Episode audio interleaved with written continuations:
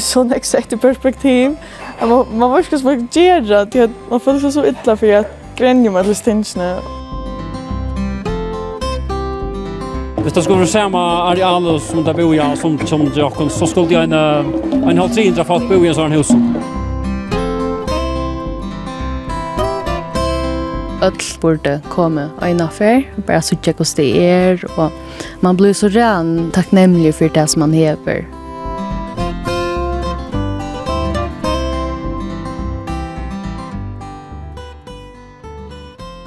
Gåan der, og velkommen vi og Nutsjan Tur, ein langere tur enn vanligt. Og i nekvar, nekvar tøymar har vi et korst og fløye fløyre ferer, og er nu lengt av landet skåten. Kona Paula og jeg var her av postkon for tvei måneder og søgjane, og vi kjøy døtrena Mario som var her i starvsvending i et halvt år. Vi tar då en fantastisk kontor, og og nekve av tog vid å være så mykje sterkt at det har haft større avverskan åkon. Men at vi langt nå skulle komme attor her til Kenya og i Østerafrika hei er korsene ikkje vanta.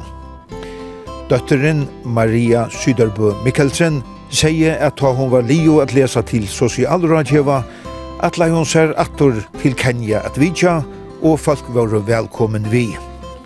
Hon er no Leo, og hetta lyfti hefur bor i Usher, at vit er og 21 føringar som nu vidja i Kenya. Fellesskaperen ABC Children's Aid Kenya, som uslenska Torun Helgadøtter, og med hennara Sammi Reka av Kristelion Grundaleie, hevur skola her í høvustaden Nairobi og í bøinum Loi Tok Tok. Vi til sammans 600 næmengunum. Tei koma ur heimon som er um mittlen tei allar fatakast og i Kenya. Familjunar hau ikkje råd at gjalta fyrir skolakontuna tja bøttenon. Søgnast er vær her, kjørte jeg sendingar, men hesa fyrir atle jeg mer ikkje at hava av vi. Tui hette er atur okkara ekne turur.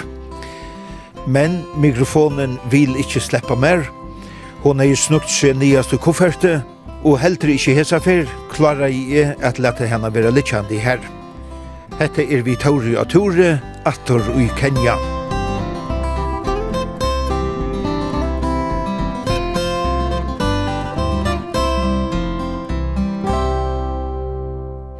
Let me tell you, these people, they are from uh, one of the smallest countries in the world, but a very, very fantastic country.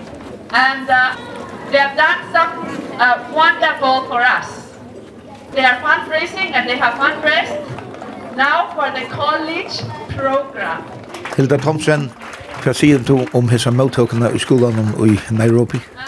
Hon er fantastisk, altså. Hette her hette vi slett i høyre ikke råkna vi. Hette her fire ganger ut i skolagærnen, og vekker ikke sjålvande godt. Fløyre hundra bøtt, og alle lærerne i skolan Og til øyelt teik genga høgt opp hoiet her av vysokon torra tradisjoner og at det er glede for jeg suttje okon her.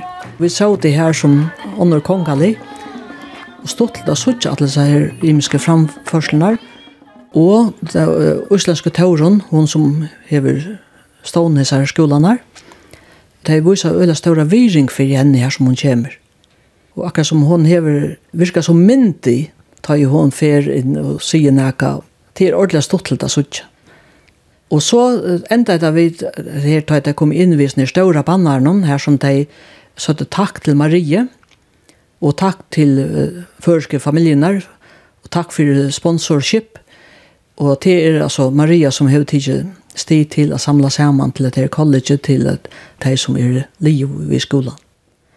Og jeg synes stort til det sånn, hvordan gav det er Maria Atlasnans her som vi koma.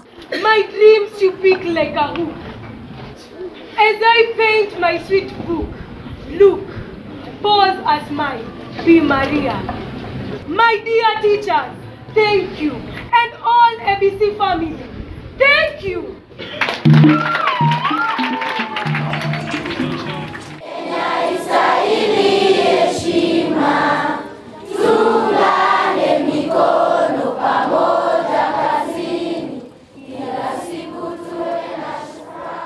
Nu stendur ein spilturnutjur bygningur vi skúla skolastovun, niast i skolakernon i Nairobi.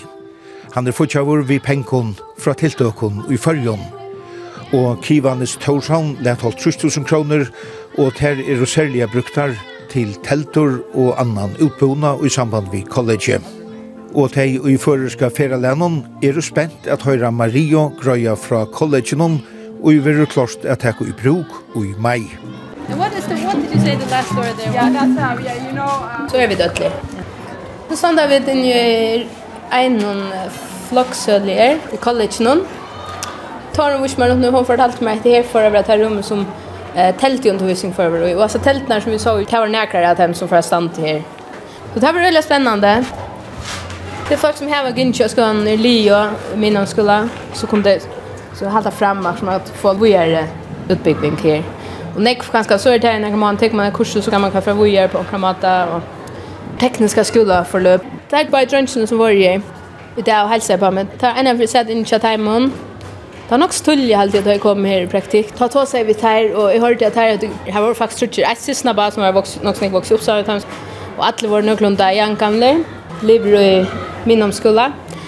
Nå var akkurat sommar en tur ferien, så jeg var litt nere, og hva det er atla nu. Men ungen hade en attlein näka till att det var inte pengar till det. Så det var faktiskt synder ut att det bara götne och att bo hemma till sin mamma när man inte finna arbete på kunde dag. Och det är synd som om man inte förstått att hjälpa dem till att få en minnans utbildning som kunde inte få några profession som där kommer för ut att söka arbete. Och han ene nu, han kom lärt elektriker nu. Så han kom över här och tossade vid och Så han heter ju varför ett klart hjärsta mål som jag har till att hjälpa dem unga släppa vidare att släppa på sjurfadargadun. Så heter det. Och här är det trutja skolastover som faktiskt är alla lugga som händer här. Här är professor frisör ska jag vara. Det är för att det är som att lära till frisörer att gänga och här är en beauty kallar det det. Rummen är nog så klar. Så det är elektrikare timmar, det här är det här inne meningen är att det ska vara vers eller ett något som växer och blir större och kan hjälpa fler junkon att nämna sig utbyggning. Fast nu sitter jag till föringar som har varit sauna intelekta till störst. Och alla unga det vet jag om att som gång fyra sig och inte komma vidare. Fitta en college. Ett lite fitta. Nu kör ni nu. Who will be the head teacher of college? We'll uh, organize. Mm, okay. Yeah organize. Steven von Meyo er skolastjóri her á skolan i Nairobi. Så hetta letur nutjar möguleikar upp fyrir tikkun her á skolan. So it opens new possibilities for, yeah, for, the, for students the students, and, and the school? Of course it does. Uh, both the students who, who do exams here and even the outside who are not able to go to colleges.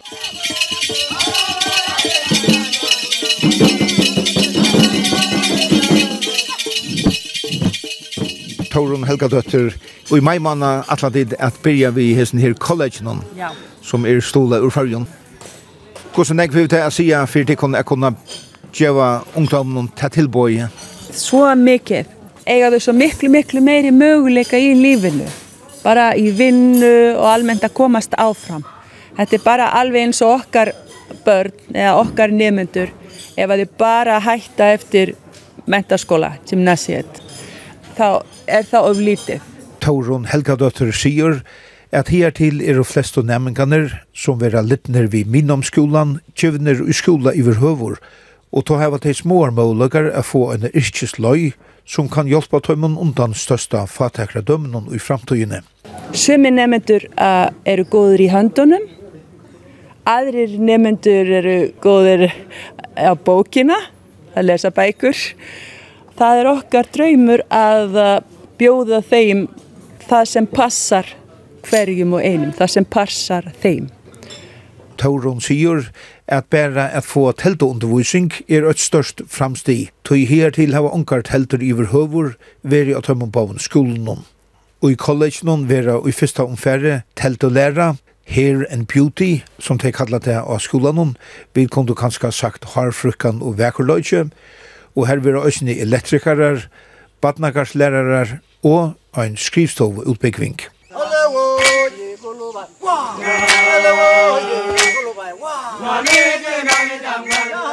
Føreska feraleie vitjar ui fløyre balkon, negv heim ui fatakra bylingon ui Nairobi, og òsne huskje ui Masai òsnon ui loi tok-tok. Rovald Vinter, dette var en særlig dag satt her ui Nairobi. Ja, yeah. Og i det har vi vært og, og vi nekra familier i slummen.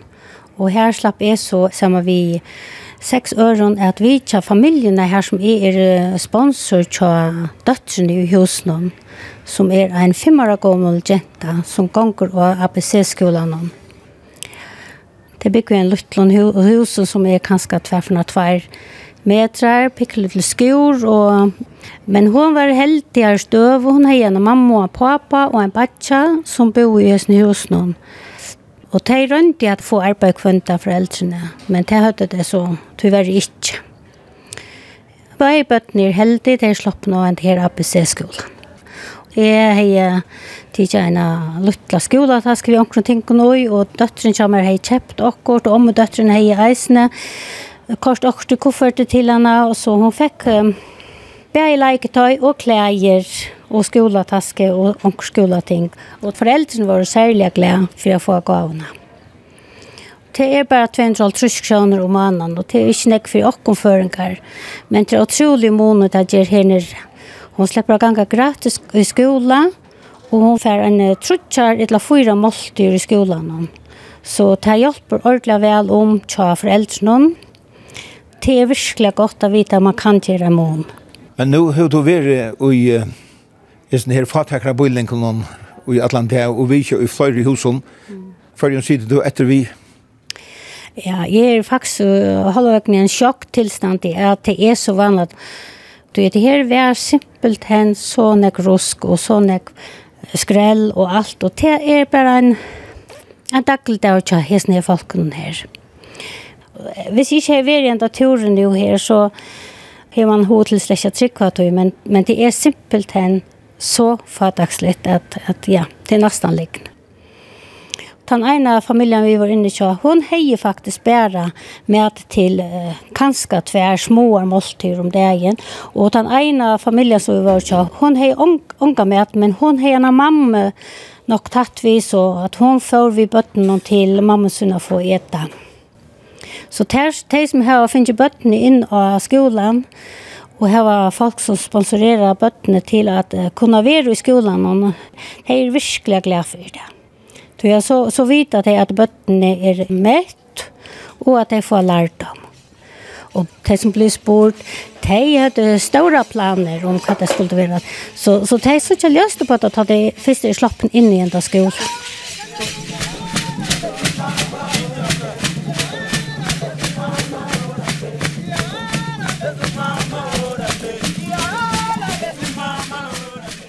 Silja Hammer Matras.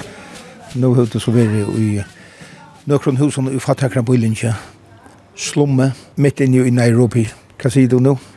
Altså, det første huset, det var et, altså, pikka lydrum, og her var en sång og en lenståle, og nøkron ulløtt, og et skap, og her så var tjejfolkene. Her var fem bød som så var gulvnån, Og så var det två föräldrar som var en sjunk. Og ta äldsta döttern var 20 och så äldre ner och hon drömde om att komma till universitet. Det kan hon inte pengar till det. Men att hinna bötning gick skola än. Och så var vi i en örnhuset. För jag komma till huset skulle vi gänga förbi här som väsvatt eller så. Klart är det nog här luktar så illa för jag kom upp till huskedömon, typ bo överst uppe och jag var inte ljus för jag gick jag trapp när man föll som om man datt alla tog och det var alltså man rönte bara så friast att komma på. Och då kom in så kunde hon inte vara upp till jag var inte och så såg vi det i en liten rum med tråka samman och här var det en andlig mamma, pappa var det är ju för tjejaren så igen. Hon har ju trutja döttrar. Hon var semikona men semimaskinen känner vara lukt som kunde schema. Eh så nu arbetar hon uh, via vaska kläder för folk. Och här fick hon 100 shillings till kvart. 8 kronor om dagen. Och så är det busen för huxa att först hon har arbetar men så händer alltså lite ting som en sängmaskinen blir lukt. Och så knappt jag så här var det några pengar. Det här man skulle kvar på mäta bord och sånt.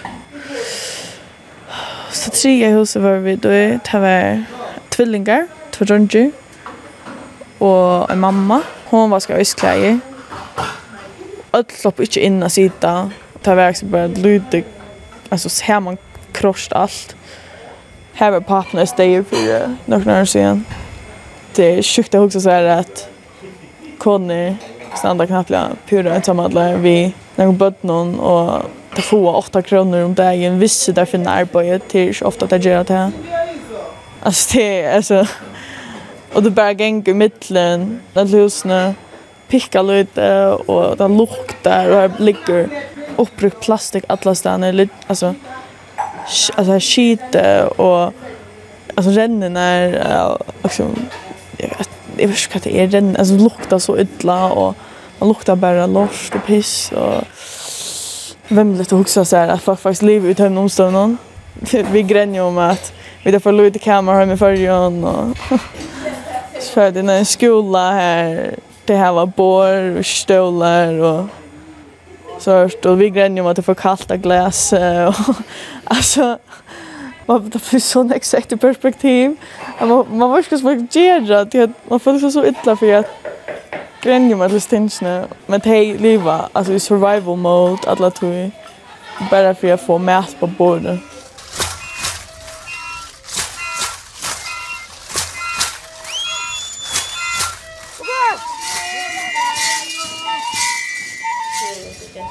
Ha!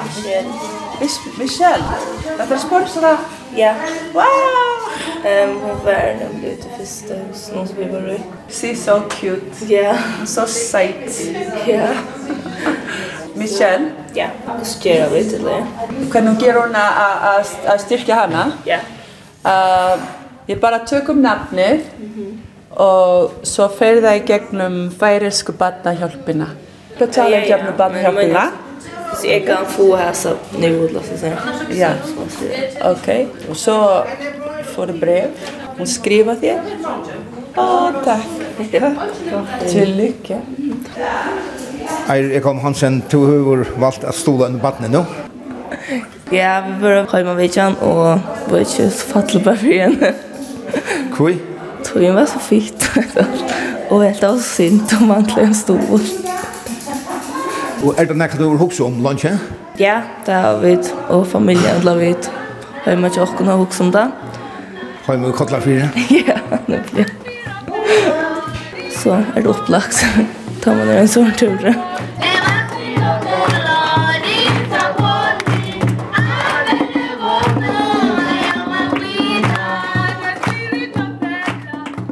Johan Ingrid, Livarstøtter Nysted. Vi tar ut her ved atter av Husavikjan i Nairobi. Jeg halte i okkara boltje, vi var i samme boltje. Yeah. Gjør du en kona størst inntrykk? Ja, konan, hon var alt trus, hon hei sjálf og en av døtter, så hei hon øysene moster døttene, ikke ser, til mamma var rømt. Her var det hål i gulven hon, det heter øyne sång, og altså konan, ja, hon var alt trus, men altså hon sa utlavera fem forskjell og skjørt. Hon var så rælig klön och manglet en ekva tenn, og det er førrakt som sin ve det har varit inte gott och alltså i allt det vi förringar är det skjuter till att glömma hur så gott vi faktiskt har varit det. Jag har ofta sagt vi är som är större än allt huset jag tar om. Att när vi tar ett verkar kvart tutsch minuter så måste vi tvära på ena vägen. Då är jag tar som fyllt jag också. Tar bara så uttrycker vi över. Det är det så räliga kriminellt här som vi akkurat vore. Vi måste skunda oss nästa så inte hänt att sponsorera ett bad. Det kostar liksom bara 200 kronor. Och det var en dronker i Klaxvik som säger att det kostar inte mer än en kajpizza och en sodavatt. Och på sjurresor 200 kronor så får det mat och uniform och undervisning och lackna hjälp hvis det är att det har tørv att du det är för en måned. Vi är så 200 kronor kunde jag faktiskt få en utbyggving så det släpper ned som det faktisk er jo i. Hette er ikke min en tre treferd til erst i Kenya. Ja. Hva er det som hovedtrekker det i Kenya?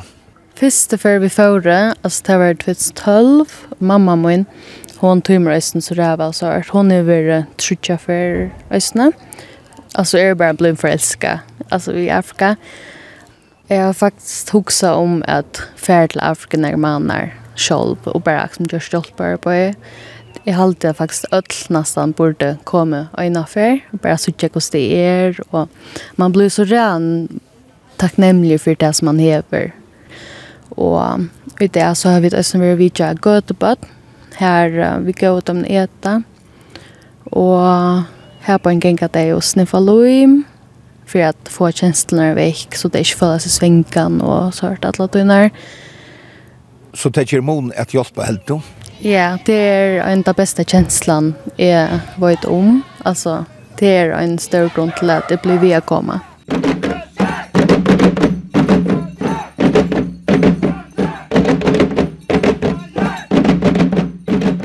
Andrea Niklasen i Havn omsitter stålkipanna fyrir føresko badna hjálpena. Og til er tøy familier har ho at stola enn badne til dømes i Kenya, en skola badne i Lankornørenland. Andrea, för att innebär det att vara en stor kön på den. Det innebär att man betalar ett fast kjald om månaden. Och i som London är det 220, i Kenya och i Liberia är det 230 kronor om månaden. Hese bøttene får så skoleavgångt, og som oftast enda måltid om dagen i skolen noen, og som er bygd av Vistaskola eller boarding school, og få fullt kost å si. Det er faktisk en lakna hjelp om til nøyhjelp, Og stod foreldrene få en helsen, tver fra Mare, altså jolekort, og karterbog, en fra Mare, og ene mynd, minst en fra Mare. Og om folk har ho at uh, stolen og vattnet, så vender de seg til Andrea, og tell du adressen er Andrea, A-N-D-R-E-A, kurla, vattnet, hjelp, punktum, F-O. Og så skriver vi etter, og så, ja, kjører vi ikke, hvordan færre vi er? skriver kanten kantnummer og sånt. Og er det føringar rasjer at uh, stola fatak om bøtnen til dømes i Kenya? Ja, føringar ser det gammelt. Det er alle 430 bøtn som får stål. Tjøkken bøtnen i åpnen, ja. Så det er utrolig stolt.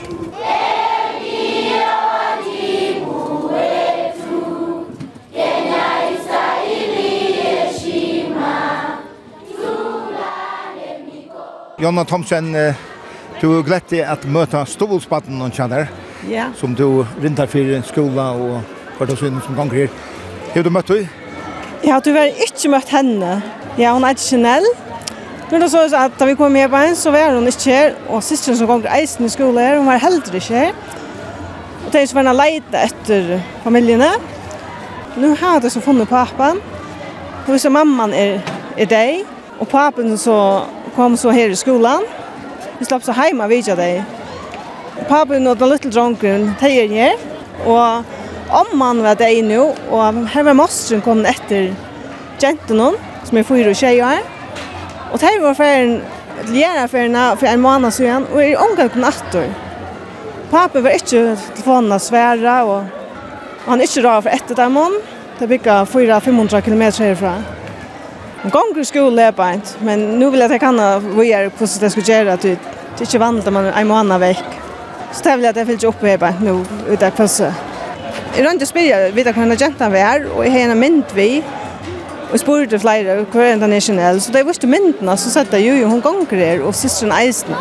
Så du har ikke holdt seg på henne, men du har holdt seg på pappaen og andre familiene? Ja, jeg har holdt på pappaen, og så den lytte dronjen, og pappaen så funnet jeg en lytte kone, og her var en, en dronker som jeg tror ikke viker. Og vet at klæger og sånne kan vi det bygger faktiskt slummen om bakt etter vi. Så vi får ivrat i skolan etter babyglown så nu är bara drunchen finns kläder. Så er det holdt är omstøveren til videre vann vi. Det bygger på en sånn pikk og liten skolan vi. Allt huset så där nere i en liten rum med inte väs och Men landa så var vi där hemma vid Jan och Jar och här var en äldre kvinna. Hon var något trusjär. Och henne av bøtt var ferdig sted og lade om med bøttene lever etter. Så han bor vi touch om och bort någon. Jag håller vart tal och i sån lilla rum någon. Det är en etasjon, kanskje ikke bredere enn vanligt. Og jeg lødde bor inni her, og det var det. Jeg hadde ikke det var mer enn 6-8 kvadratmeter. 12 folk sov inni her. Okra som bøtten og gynnskjø som skolan her som legger føringar stola. Dette kan man slett ikke umynda seg hvordan det er. Nu har vi vært nekra det her i Kenya, Lotvig, Lydersen, Avira. Hva sier du? Nei, det er ikke noe säga. si. det var upplevast. Det är otroligt för kort eller vondt.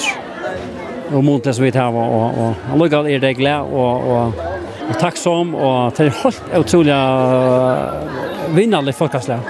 Helt fantastiskt. Og bøttene det hänger upp i ögonen alla tøynar och, och man får sig ordentlig välkomna ner.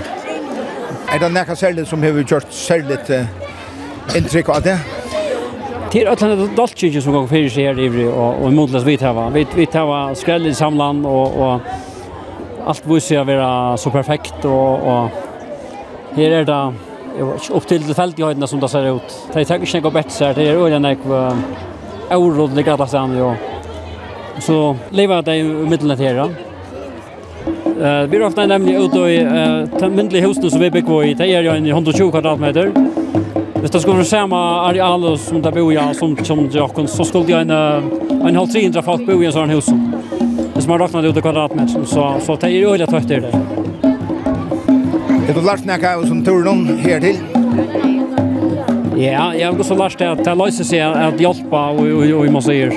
Man får ikke hjelp utlom, men man får hjelp noe som ikke Det er jo ikke jeg inn som det gjør, det er helt utrolig masse og, som det har tarvet nere. Så det är ett helt fantastiskt projekt, allt säkert.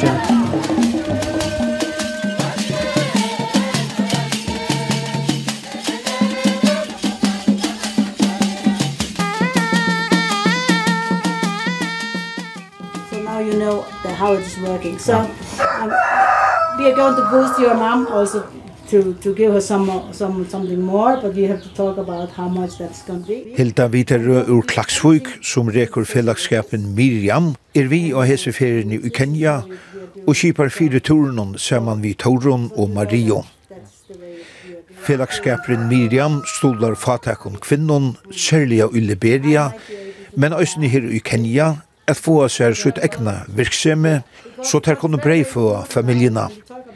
Her er hon inne tja Rosalito ui øynon fatakra byllinje ui Nairobi. Hilda videre, hvordan fart du hjelpt Rosalito?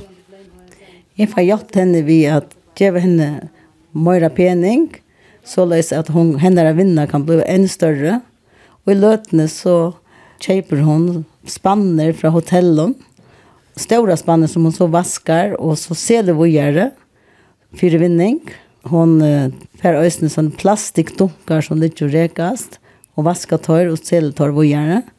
Og henda har så fer hon en mer pengar til henne familie. Og det er det som det handlar om at vi Miriam, til å hjelpe kvinnen til at hjelpe familien hon, så det er at de får møte på kvann det. Hendan her kvinnan, henne møtte jeg i 2016, og da begynte vi vidt vi at geva henne pengar och därför att attra gera nu det vil söker til att hon er ser ugen och något særlig vi henne är att hennes syner onkra de bor hemma och onkra bor i skolan och vill ha tak tak tar er vi til att hjälpa henne så det blir et familiefyrtøk och tar er sera glädjer och ahojer och störst sammanhåll i familjerna. Så tror vi så att hon är no seriøs och klarer at omsida. Få näka på sig urtøy som tid hjälper henne vi. Helt sikkert, og det er alle familiene som sier det samme, og at dette er den maten som de nå får livet ikke bedre. De har en bedre hus enn de har haft av vår, og også til at vi møtte en drønge i Løy Tok Tok, som ABC-tekster av, og så møtte vi Erik som leser til elektrikere, og østene vi hjelp fra badnehjelpene. Og så den seneste som nå for østene vågjere, at hun har trutja dronjer som er kommet så lengt at hun kunne føre vågjere at han har faktisk studenterskolen som vi kallar det, så, så er det helt fantastisk. Så at hun er så mye fatak, og jeg skal minnes til det at henne her pinnen, hun er ikke særlig, hun er mamma av 14 bøtten og hun er både tjej til graver, og hun er åndsja. Og det er så tydelig hvordan glede hun er, hvordan øyen hun er, og hvordan størst sammenhold er i familien til henne. Henta kvinnan er så et døme om at om man hjelper øynere kvinne, så hjelper man faktisk en høyere bygd, som hun gjør nå, og sne, at hun hjelper øtlen drønnsene. Og da, da jeg hørte hvordan drønnsene tås av om mamma sine, øyne tås av om hvordan tøyre var vi til at hjelpe henne syskene i familiene, så er det helt fantastisk at hente hjelpen som vi gjør, som, ikke, som særskilt nøyerslig ut, at hun kan røkke så lenge. Det er helt fantastisk. Det er det som Øystein gjør til det, at hese drønkene får en vøvn om en bedre, en bedre fremtøy, og hente vøvnen som tar på å gjøre Øystein, at tar Øystein blir kreativer, og Øystein etter hver en annan til at være vi til at hjelpe mamma sine sinne och att hjälpa kvinnor.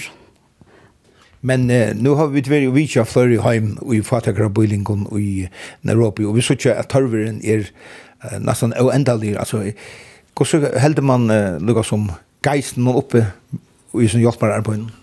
Ja, tarveren er uendelig, og det som er spennende akkurat i hessen turen, det er at disse førerskov som har vært vi i ferielandet, de tog øsne suttjende tørven, og de har pojket mer annen ankra familie som de halte, de ville være vi til øsne å hjelpe, og trengte til hjelp. Og jeg vet vel, og jeg skal øsne halte høtt, jeg synes det kaldt, tog jeg, jeg vet vel at alle har bruk for det, men jeg synes ikke at velja nækra bursjord, det har vi nødt til i løtene. Det er ferielag for hjemme nå, så vi er verandre her nækra det er ta för vi då sätta en touch ge en touch kvinn att träd pengar så det så att är vi i Miriam i Kenya så det är växant två familjer det är ganska 200 folk som får åka och nå då hjälper nu så Miriam Jeff Hilda vidare Og jo er er jo 35 år siden to og Mauri Johannes første ferie for ut som troboere. Da var det i Liberia. Og så igjen i høyde var vi nekken hjelpere arbeid i utenlands. Fyre trondkjende folkon Fart du nekran til spurningen, hvor du ikke heldur hjelper kanskje folk i fargen som uh, har bruk for hjelp? Jo, det får jeg ser ofta. Og mot svær at svær er at vi har nekve hjelpefellesskap i fargen som hjelper tøymen som trønger i fargen. Vi er det rikaste land i verden. Og tog halte jeg til at vi skulle klare å hjelpe tøymen som trønger i fargen er sera, sera tacksam for alla de hjälperna som folk vill ge till att hjälpa i arbetet i Afrika.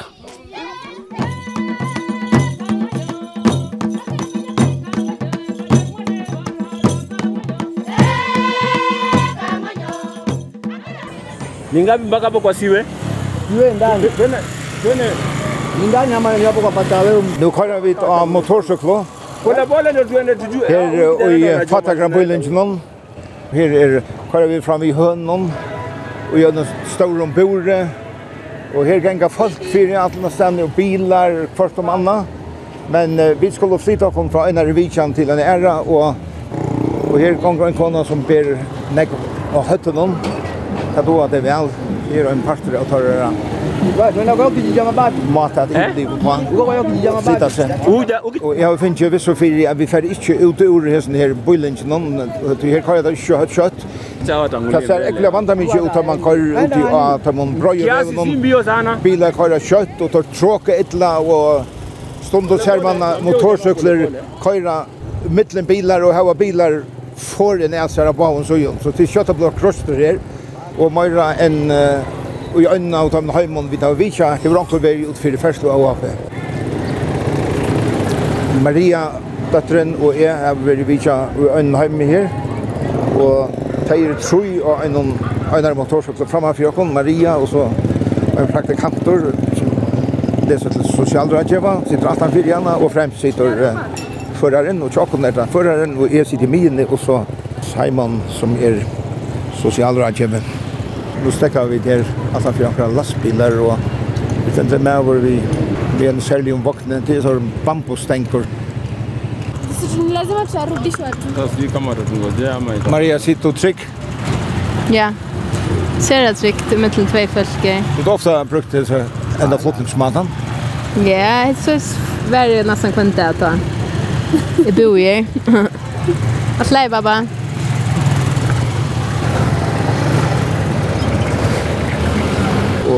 sølvboer, eller så er det så små, og til så selja, er det framme i alle stedene. Her er alt først om Anna. Og biler som stender av støyden vi angår julen her. Skal man ha gonga mitt sanga i fjormen inn?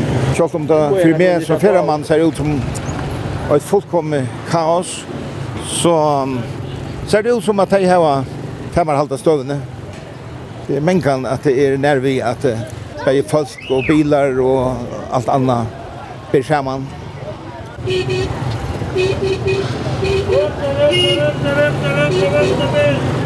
Detta här är en sån smöl marknavargöta här i Falkstanda och sälja av barn så jon. Allt mellan himmel gör. Kläder och ismaskiner och... Kidago, kidago, du! perleband. Muy sunga songa kidogo. Tafadali. Her er øyla smass, men må man kalla knøyen inn. Is it the normal traffic, uh, Simon? Yeah, people like, but, but Kenyans drive among of them most of them don't have road courtesy. They cannot allow you to pass. Nu er vi kommet til nekra kreuser her, og vi at vi kja Lutla Leon, Vi tar var gav og vi til landsherra fra Bjarsto og Osvald i Høyvuk for eldre noen tja Anniko, Vinkon og Mario, og Lutle Leon og familien vita at vi kommer. You have a picture, maybe take a picture. Yeah. Take a picture. Yeah, it's good to take a picture. Take sorry. Sorry, sorry. Leon. Leon. Leon. Leon. Leon. Leon. Leon. Leon. Leon. Hey, hey, hey. yes. And the brother. Yes. this is the question. Sant. Santis, thank you. Sant Sam. Kopeleka shule. Kopeleka shule. He's saying thank you so much for taking him to school. He's very happy. He's very happy. Mamma sitter här. Og hette mostern sitter här i och døtter henne. Det fick vara tjej fast inne i sånn lukla rum. En sång. Nu det växer för den Helt om den finns ju packat. Ah, ja. Leon. That's a picture. Oh. This is the span Leon sponsors. Oh, wonderful, wonderful. Hjärsta and Oswald. Mattia, botchen og ta ju in och få oss en glädje. Oh, that's the picture of the sponsor? This is the picture of his sponsor. Oh, and behind there is the daughter also. One daughter, which is my friend. Oh, oh, here's a card. So this one is, uh, what is it called in English, this game? Puzzles. Puzzles, Puzzles yeah, puzzles. Now make this one.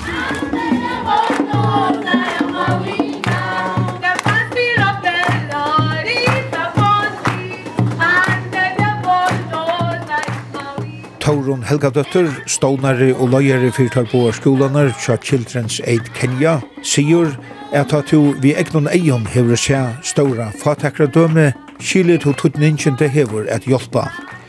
Sjalt om det fyrir summe kan tidsjast møte mykje, og fyrir summe enda meningslest, tog tørveren er så stårer. Men i arbeidnon hoksa tei om at hjelpa tog anstaka, og såløys halda tei møtenom oppe, og tog teg suttja utøtselige at teg gjerra mun. Og i det heva tar bare skolaner tja fellesskapen om 600 bøten til samans, og fyrir kvart baten teg få i skola, hjelpa teg samståndes øynare familjo. Torun Helga døtter, kvært mersi da fyrir skolan tjatikon, eller skolan nær tjatikon, at i da finnje flere og flere folk som vilja tjalta fyrir skolan tjatikon, bøttene og tomne unko her i Nairobi og i skolan i Løy Tok Tok? Det er rørende at merke at folk innelig vilja hjelpe. Det er ikke at lysa i årum hva det syder for åker som skola og for et barn å få en sponsor. Vi er ikke risa, risa stort projekt. Så allt som kommer in har stor, stor tydning. Sponsoren i åkrar bötnum er ur Trimurlandum, USA, Island og Færøyar. Og Island er lite land, Færøyar er lite land. En sjálft om man er liten kan man gjøre stor mun. Om vi ikke kunne ha fått stolarna fra Færøyum, så kunne vi ikke ha gjort alt som vi har gjort nå. Vi er så glad og takksam fyrir þetta, at færingar skulle vera med okkur að gera þetta. Så bara takk, færingar og tåren kjolt om tørveren framvis er stårer og, og ikke minkar, kanskje vekser heldur. Mm -hmm. To mauren samme tid er og til røyer at strøyas fyres ned prosjektene. Til man ser hvor mån okkar arbeids gjør, så får man mot til å halda fram. Og jeg kan ikke huske mer å gjøre noe annet enn dette i livet nå.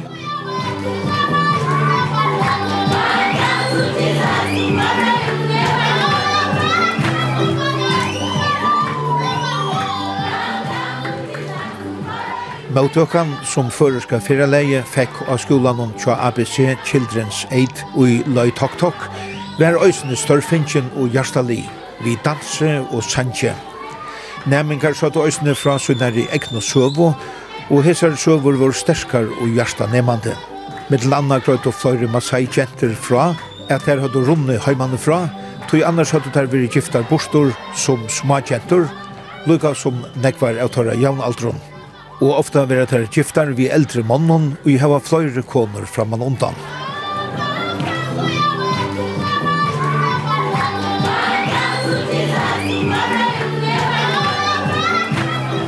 Her er Inger Lise Mikkelsen og Tofton sammen vi så innom stolsbattene. Det er Vinni, hon er ikke nekka batten, er 118 år gammel og ganger i tre studentskola flotjer. Her i Løy Tok Tok. Inger Lise Mikkelsen, du har funnet solspattene. Ja, det er virkelig dårligt. Jeg glæder meg til Sutjen. Jeg tykker løjte, det var en som er et Det var en som kjente den. Og det her finnes jeg vidt at det kallar henne vinning. så det var ikke løy. Det var dårlig Sutjen. Det var ikke omstøver at kjalda fire skoler gongene sjolve? Jeg halte det er løyte arbeid. Det er Det gikk ut som deløyere. Det har bo hinne men uh, skånen. Så det flottet jeg inn til like, Takk tak.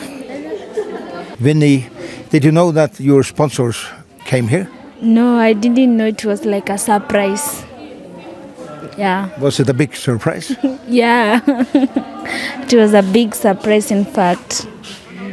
But what does it mean for you that you have a sponsor? It means a lot to me. In fact, I was so happy since I joined Form 1 in 2016. I haven't met my sponsor. It was the first time, so I was so happy. Jeg atla skriva til henne, men det var så tydelig jeg skulle skriva, og vi får at hvis også hendte vi ikke kom sted, så ville jeg skuffe henne. Men jeg satt med banden og trøtje, og hun, eh, jeg skriver at hun domte lilla, så Det var lilla trøtt. Øl jeg spent å møte henne. Øl jeg gleder jeg så henne, eller vi sa henne.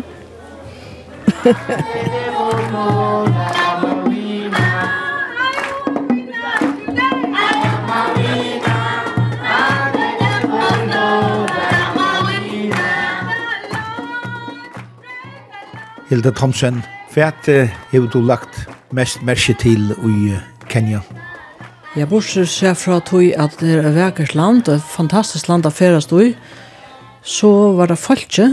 Det var øyla, virka jo øyla glede, selv om det var nek fatak, Nå var vi mest i fatakra bøylingon. Det var større måneder av røykon og fatakon. Og, altså, men det falskjene virka var nok så nøgt allukava, selv om de og bøttene, særlig i skolan, at det var glede, og, og var øyla spent at jeg skulle få en uh, sponsor. Og de hadde øyla, øyla store planer. Leie merke til at um, hvis du spurte hva atla ditt bløyva, så var det verkfrøyngar etla sækførere, Spurte du kvoi, ja, så til så kunne jeg bytja en stårhus, og de aller fleste ville bytja stårhus til mamma sinne.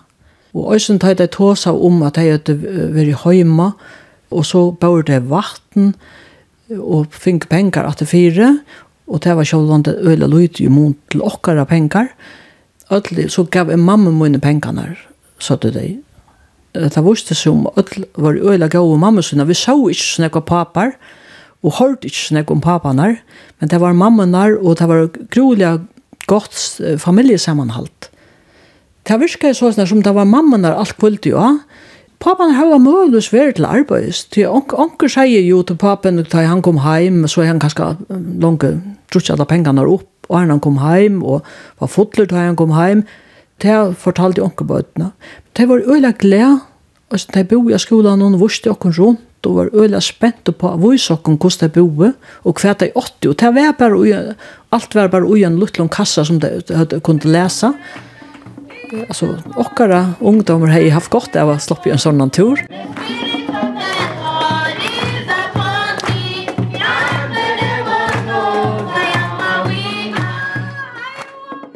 Arnlei Petersen ur skala fyrir. Du har avgjørst at vi har stål for en gentle som er Paulin. Her i løy tok tok, kjalta skolagångt fyrir henne og Anna. Hun er 15 år gammel. Hvor valgte du henne? to vi tar vi tja flöri hem tja hesa nämning någon som gänga i skolan hon här. Lussa var en tja Paulin som hon fortalte för Jakob hon var öle rörande och stärsk, hjärtakärande. Paulin fortalte för Jakob att hon var uppvuxen till ommene. Hon är föräldralös. Hon känner inte till sina föräldrar. Så hon känner inte till något annat än att leva samman med sin mamma. Mm. Og som sagt, Pauline er 15 år, og da hun fortalte om sitt liv, så var hun øyelig rørt selv, og stod og græt. Og så fortalte hun fire åkken med til Anna at uh, en periode i livet var hun så lengt nyrre at uh, hon sa onka vån, hon sa onka framtøy, og hon hei simpelthen bare ho at takka livet av seg. Men ta vært så øyne av uh, sosialrådgjøvnen her i skolen, som kom i samband med henne og hjelpte henne så å komme av skolen, og lykka som bjerga henne. Og jeg var anka til Iva på en av veien til hun fortalte for dere. Hette her er tangenten som er ikke stola og hun ikke hjelper å gjøre. Og betala penger til så er det at hun kan gå til skolen og få undervisning og ja. Så det er en god kjensle at kunne hjelpe henne? Ja, jeg har kjørt en god kjensle. Nå har vi Lukas som uh, haft sin kontakt med henne socialrådgivaren som hjelpte henne i skolen. Og det er stolt at vite og høre fra henne at hun det godt og at hun trivist. Hva har du annars haft særlig avvirskan av det i Kenya? Det er fantastiskt att kunna ha møvløyga att komma till Kenya och komma till Nairobi och så bo i en löj tok tok øsne og söka hvordan disse menneskene livet få et lydde glimt av tørre tilvære hvordan fatakslitt och neierslitt det är Og jeg må si at det første delen er vår inntrykene er almindelig sterk og, og hjertekjørende. Og, og da mener han at tarene triller av han. Og jeg føler meg slik privilegeret, ja, ja, at det har vært vi enda turen. Det blir ytla til å sette år og omstøvner, tror jeg som menneskene. Vi vet at det er fatøk. Tar man så ferien så er en tur, og, og stender midt i midtelen deg, og du sørste vi til noen ekne og egen. Det er virkelig størst, og det er rørende. Til at omsøvner er så ut av leie vanlige. Altså, det er øye ikke, det er bygget i smaven krøysen, og det er uh, størst hel, kanskje opp i 12, og det er fire kvadratmeter det er bygget av. Og da så kommer inn og i høymet og sørst, det er skite, og her er ikke ljøs, og det kanskje hever en av luttla, en av per som lykker lykke gløyer og syntor. Og Og nemlig også i omkring høyme så vi at akkurat baden la sjukt og en sofa eller hva det var. Og vi fikk å vite at det var malaria som det var sjukt. Og vi fikk også vite at det var unga penger. De fikk unga lakna hjelpa. Og det er øyelig herst av sutja til og fløyre små bøten og øyne som vi så og møtte og hver og Det renner ur nøsen i Adaimon og renner ur egen av Adaimon og Och också alltså batten någon anlite var nästan fjalt i floden alltså då över hur att det simpelthen att täcka så bötten bara vitt där och och hjälpa dem men det syns en är makt vi först en sån känsla. Det att du kan ju hjälpa bötten så bötten. Men så lukar alla vita att att vi kommer stanna samman. Jag kan hjälpa omkron, och du kan hjälpa omkron, och samman kunde vi hjälpa några snäckvåna. Och ett annat öse som gör det intryck till det är att klassamonen är så öjeligur. Och det er alltid förfärligt att det ska vara bättre størst och göra någon sorgon uh, samfunnet. Och jag pengene är jo til steder, men styringen är bara så vanlig. Och det är den allra største parten som lever under fatakere marschen. Ja, det är trist altså ikke. Och, och jeg må si att jeg har ikke hatt för det som uh, som uh, gör ett fantastiskt arbete i mittlenäs och fatakra människorna. Det er jo særlig folk, alltså det är ju øyne hver kvar som klarar att det här. Det er gjør det omkring særlig en tilfære, og det er fantastisk at vi tar det i midten av gården.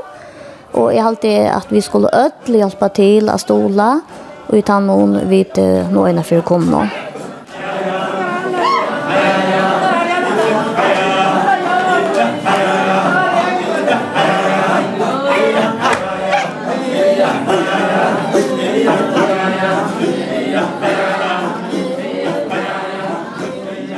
Maria Syderbø Mikkelsen hever negva tokso om, nu hon hever sett i gongt eit college fyrir ungfolk i Kenya, samståndet som hun er stødd lengt bortur fra Kenya.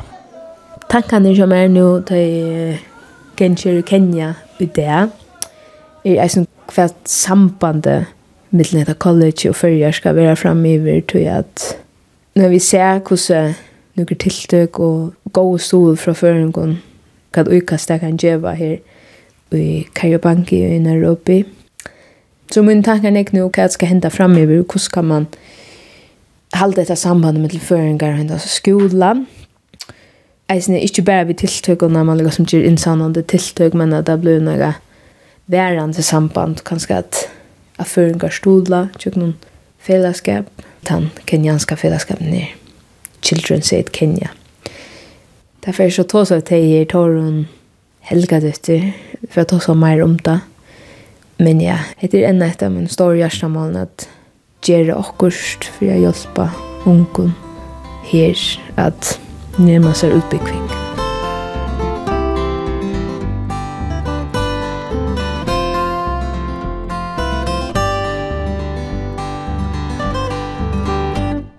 Etta var vi tåri og tåri attor i Kenya fra feriene til føreska ferialdenon, som talte 21 folk. Søgnast var i Kenya kjørte i trutjar sendingar. Her var nekv om landet som holdt, og til feriene vitja i øyne fellesskapen New Life Africa International, som dansko tjonene Susanne og Leif Massen reka i byen Nakuru. Her var flere føringar øyne vere, og her stola føringar øyne skola bøtnån. Og da hørte vi da østene om kvinnoheimet Jimia, som tjonene Mia ur havn, og med hennara James Kagoto, Reka ui Nakuro. Du kan høyra tertrutjar sendingarna fra 2016, og høyma så inn i tja kringvarpnum, ans og hesa. Skriva kvf.fo framskak tt. Hesenturen er atur at høyra ui utvarpnum torsdag klokkan 11 og leirdag klokkan 4, og av Facebook-søgjene vi tåri og ture, vera øsne myndir av suttja fra hesom turunon. Og møyna viko verir nukkjur turur, han verur her ui fyrjon. Takk fyrir hesa fyrir.